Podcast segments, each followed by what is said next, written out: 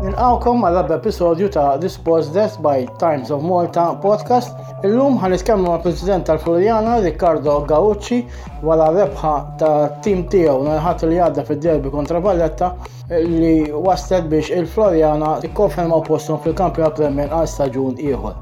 Ħan iskemmu wkoll ma' Rajku Mar Sharma, il-coach nazzjonali tal-kriket għal min ma tantx huwa intis fil-logħba tal-cricket Rajko Marsharma huwa il-coach illi kien skopra Virat Kohli l-aqwa player tal-cricket fid-dinja u li issa ħajibda jkoċa lit tim nazzjonali Malti.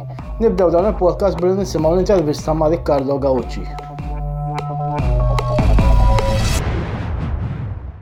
Allora, Presidente, grazie per aver accettato di essere qui con noi. Prima di tutto, sicuramente oggi lei è molto contento e soddisfatto della prestazione della squadra ieri dopo una grande vittoria contro, contro la Valletta. Eh? Sì, sono molto soddisfatto per la, per la, prestazione della squadra, assolutamente, sono molto contento perché, perché il derby, soprattutto a Malta, è una partita molto, molto sentita e quindi mi fa piacere ieri che i nostri giocatori non, eh, hanno dato il massimo in campo e hanno portato a casa tre punti fondamentali perché diciamo che il campionato nostro quest'anno non è stato un campionato, un campionato molto soddisfacente e, e, con la partita di ieri, come dice il nostro allenatore, abbiamo messo a posto un po', un po la coscienza. Eh, sicuramente la vittoria è arrivata contro una squadra che sta ovviamente lottando per, per il titolo. Eh, a parte questo, per voi è stato anche fondamentale perché adesso eh, matematicamente il Floriana non può essere relegato a, a peggior scenario, potete solo finire sul, sul play-out, ma però con una vittoria nelle prossime quattro partite eh, la salvezza sarà raggiunta, anche se sicuramente non era l'obiettivo della stagione, giusto? No, assolutamente giustissimo, non era l'obiettivo della stagione, eravamo partiti eh, diciamo con altre ambizioni e poi ci siamo trovati nel vortice per non retrocedere. Quando purtroppo uno si parte per un obiettivo e si trova invischiato eh, nella lotta per non retrocedere diventa tutto più complicato. Poi eh, abbiamo avuto eh, quest'anno degli attacchi esterni da parte di, di, gente che ha creato tantissimi problemi a me personalmente, al club, alle persone eh, che, sono, che, sono, con me e quindi questo ha contribuito moltissimo al, all'andamento, all'andamento, del campionato. Eh, ora diciamo che ormai la squadra è, diciamo, è fuori pericolo, non, non, non, lo voglio neanche pensare minimamente, anche perché ha dimostrato ieri di essere una squadra importante, una squadra eh, con giocatori che veramente possono fare la differenza in qualsiasi squadra qui, eh, qui a Malta, quindi non è quello ormai eh, la cosa che mi preoccupa. Eh, quello che mi preoccupa invece è, è, è il continuo eh, purtroppo andare avanti di, di, attacchi personali, attacchi vicino alle persone che mi stanno veramente infastidendo e poi eh, diciamo uno viene attaccato, viene attaccato fino a quando poi non sbotta e, e, quando uno sbotta poi alla fine possono succedere cose che, eh, che, che nessuno vuole e quindi se si, va, se si va a fare una battaglia insomma eh, spariamo anche noi, non, non, prendiamo solo le pugnalate o, uh, o, o, le botte. Adesso sarà arrivato anche, se continuano così, sarà arrivato anche il momento da parte nostra di darle però sicuramente queste cose, queste, questi argomenti... Parlo meta- metaforicamente parlando, eh, logicamente, non poi in realtà. Però la resa dei conti sicuramente sarà l'AGM che ci sarà alla fine della stagione, giusto? Sì, no, vabbè, quello dei conti, l'EGM dei conti adesso è, è, solamente una formalità perché poi i conti sono in regola e tutto a posto, non, eh, non, quello è proprio l'ultima cosa, l'ultimo dei problemi. No, sarà diciamo da, da, discutere molte cose perché io una, un altro anno come ho fatto quest'anno, insomma, è, è difficile da, da, da, portare avanti, eh, anche perché è una rottura di scatole continua ogni giorno, ogni secondo, ogni minuto c'è sempre, c'è sempre qualcosa uh, su, cui, su, cui, discutere. Eh, però insomma noi attualmente siamo siamo una compagine forte, la maggior parte della gente è, è con noi e con me, poi specialmente dopo la vittoria del derby. La squadra ha dimostrato di essere, di essere veramente all'altezza, con qualche piccolo ritocco penso che il prossimo anno se la possa giocare con chiunque. E l'allenatore penso che ha dimostrato di essere un allenatore di primissimo livello, quindi sono, sono, sono soddisfatto, non temo nessuno, eh, questa è, è, è, la realtà dei fatti. Insomma. Sicuramente una cosa che ti avrà soddisfatto ieri era la determinazione che hanno fatto vedere i ragazzi contro un avversario molto forte che è la Valletta. Eh, sicuramente però ci sarà un po' di rammarico perché questo spirito non c'è stato per molto tempo in questa stagione, no? Eh, un grande rammarico, un grande rammarico perché questo, ma ti ripeto, uh, ci sono state talmente tante di quelle intromissioni eh, quotidiane di, di, di, queste persone che ruotano intorno al club che hanno dato veramente fastidio a, a, a tutti, no? anche, agli stessi, anche, agli stessi, giocatori. Quando l'ambiente non è sereno, poi eh, sono venute, siamo partiti con due sconfitte, quindi subito siamo partiti con il piede sbagliato. Eh, abbiamo, abbiamo, stravolto praticamente tutta la squadra perché a gennaio abbiamo ricambiato uh, praticamente eh, il 70% della squadra e, e, quindi sai fino a quando uno non, non, mette, non mette, al sicuro mh, qualche risultato importante come abbiamo fatto noi adesso uh, la squadra non era tranquilla adesso fortunatamente abbiamo inanellato una serie di risultati importanti no? abbiamo fatto eh, diciamo nelle ultime quattro partite tre vittorie e un pareggio, ma quel pareggio di Bazan diciamo, è, è, è, un po' bugiardo perché quel pareggio era una vittoria visto che c'è stato annullato all'ultimo minuto un gol regolarissimo, quindi sarebbero state quattro vittorie consecutive. Quindi questo ti dimostra che la squadra attualmente c'è e quindi c'è il rammarico, come giustamente hai detto te, di non aver fatto un campionato come tutti speravamo, però magari c'è anche la consapevolezza che c'è una base importante per costruire il futuro. E sicuramente il mister Ugo ti ha fatto vedere in queste ultime settimane che è un buonissimo allenatore per il Floriana perché è riuscito a ricompattare il gruppo e a risolvere tanti problemi. Eh.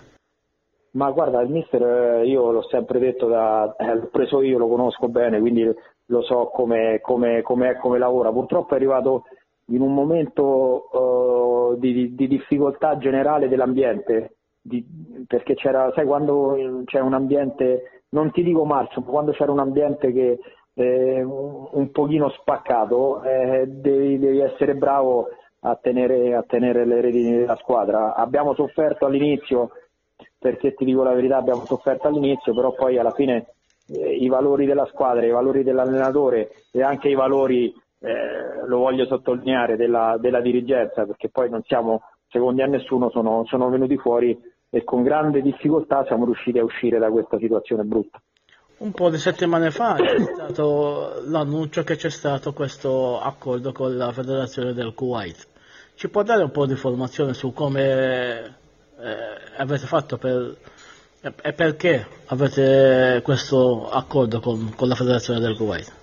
ma uh, diciamo che io sono molto, personalmente sono molto legato all'ambasciatore eh, del Kuwait eh, a Malta, grazie al quale siamo riusciti a, a, ad avere una relazione diretta con, uh, con, il segretario generale della federazione del Kuwait che è venuto a Malta eh, insieme capo dei, dei membri del, dell'associazione stessa.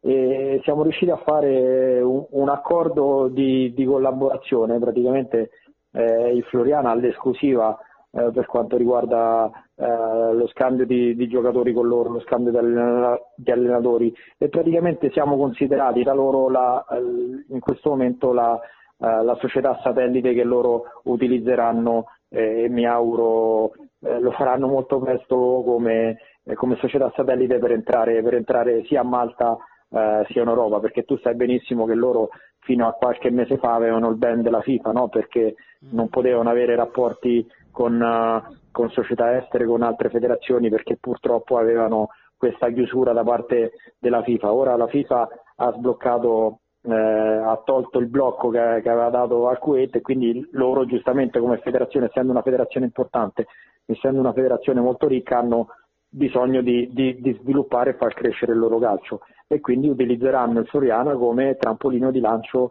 eh, per, per, questa cosa qui. E avete anche il, il progetto che, che, sta adesso dal governo di avere un centro commerciale che può dare alla società una solidità più finanziaria. Sì, sì, sì. sono le cose adesso. Ma eh, io mi auguro che adesso mh, mm, nei prossimi mesi, di, nei prossimi mesi, io prossimi mesi intendo due o tre mesi di avere una risposta definitiva, perché adesso noi prima di dicembre, poco prima delle vacanze di Natale, abbiamo sottomesso l'applicazione alla Commissione eh, dello Sport. Eh, diciamo che era un'applicazione molto complicata, molto difficile, perché la legge dello sport prevede una serie infinita di, di, di, di regole da rispettare e noi eh, diciamo è vero che, eh, che, ci abbiamo messo tanto tempo ma le abbiamo, le abbiamo rispettate tutte, abbiamo prodotto tutti i documenti possibili e immaginabili per stare alla regola del, della Commissione. Adesso stiamo, eh, immaginati, abbiamo dovuto fare anche eh, per dire quanto è rigida questa regola, abbiamo dovuto fare la due diligence su tutti i membri del comitato per dire, no? Per, cioè, immaginati che, quanto è complicata questa vicenda e adesso stiamo aspettando una risposta da parte loro. Io mi auguro, mi auguro una risposta positiva perché sarebbe per il club, sarebbe, ma non solo per il club, per tutta Floriana, perché darebbe per tutta Floriana, ma anche per Malta, perché è, un posto in questo momento, un luogo eh, diciamo che in questo momento è, è, è usato come, come un parcheggio, potrebbe diventare veramente una chicca e far crescere anche, dare posti di lavoro, far crescere diciamo, tutta la città di Floriana. Quindi, a parte tutti i problemi e tutti, tutte le cose che stanno succedendo, però il tuo commitment è tutto per, per il Floriana, eh? Beh, io ti dico la verità, sono molto deluso per quello che mi è successo, per quello che mi è stato fatto, ma, ma molto deluso, ma proprio, sono proprio, eh, non me l'aspettavo, insomma, sai quando eh, magari tu hai, hai una donna e scopri, ami tanto quella donna e poi scopri che quella donna ti ha tradito, no? eh, un po' l'ho presa, l'ho presa così, no? l'ho presa anche un po' sul personale perché diciamo, poi ci sono stati anche attacchi al di fuori di questa situazione, quindi l'ho presa anche un po' così. Eh, però poi sai, i risultati hanno, hanno, un po' sistemato tutte le cose e quindi in questo momento la mia testa è, è, è a Floriana. Eh, adesso finiamo la stagione, poi ci sediamo, ci sediamo con, con, i membri e decideremo quello, quello, da, quello che c'è da fare per il futuro. È chiaro che in un'altra situazione come quella di quest'anno io non la voglio vivere, non ci penso minimamente a viverla, quindi questa cosa va chiarita subito eh, e con i membri la chiariremo o in un modo o nell'altro perché così non, non, non, non si può lavorare. Ok Presidente, grazie, eh? grazie tante. Naddu issa għall-intervista li għamilna ma' Rajko Marxalma, l-coach ġdid nazzjonali tal-cricket, fejn miegħu tkellimna dwar x'wassal biex huwa aċċetta l-proposta tal-Malta Cricket Association biex isir il-coach nazzjonali l-ġdid fejn fil-fatt il-ġimgħa l-oħra huwa mexxa tim nazzjonali f'turnament triangolari ġewwa Spanja, kif ukoll tkellimna miegħu dwar l-relazzjoni tiegħu ma' Virat Kohli u anki kif innexxielu jiskopri t-talent ta' dan il-plejer tal-cricket.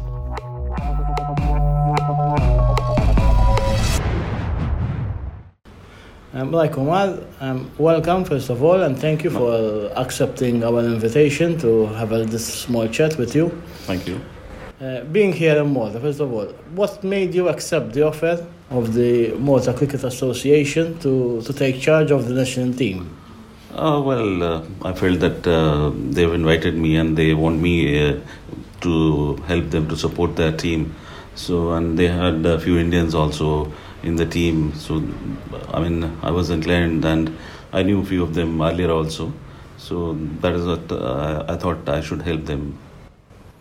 Yeah, obviously, you you are used to to coaching in India, which is a country which is obsessed with cricket, and uh, everyone plays cricket.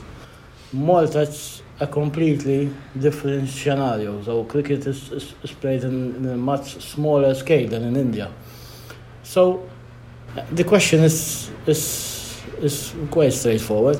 How come you you you came here? It's, it's a big challenge for you because even the level of cricket here is nowhere near what you have in India. Yeah, that is the, it is a bit of a challenge, but you know, as I said, they requested me that uh, they uh, they want my uh, support and uh, guidance. So I thought uh, I must uh, help them, and it's not a very long tenure also. So we were starting with a very short tenure that for this particular tournament. So I, I agreed to come here for a couple of days. Can you maybe talk to us on, on what, what are your plans on preparations and training you're going to give to the players for this tournament in Spain where we're going to play against Spain and uh, Estonia? Honestly speaking, I've not seen them uh, as yet, and uh, probably today in the afternoon I'm going to have a look at the team and we'll try to help them as much as possible for this particular uh, tournament. But later, I would r- rather like to work with um, them, you know, to teach them the basics of the game as well as you know how they should be going in a bigger tournament. And uh, would love to, and if uh, given a chance, I would like to work with the grassroots level with the youngsters and uh, to make a proper team for Malta.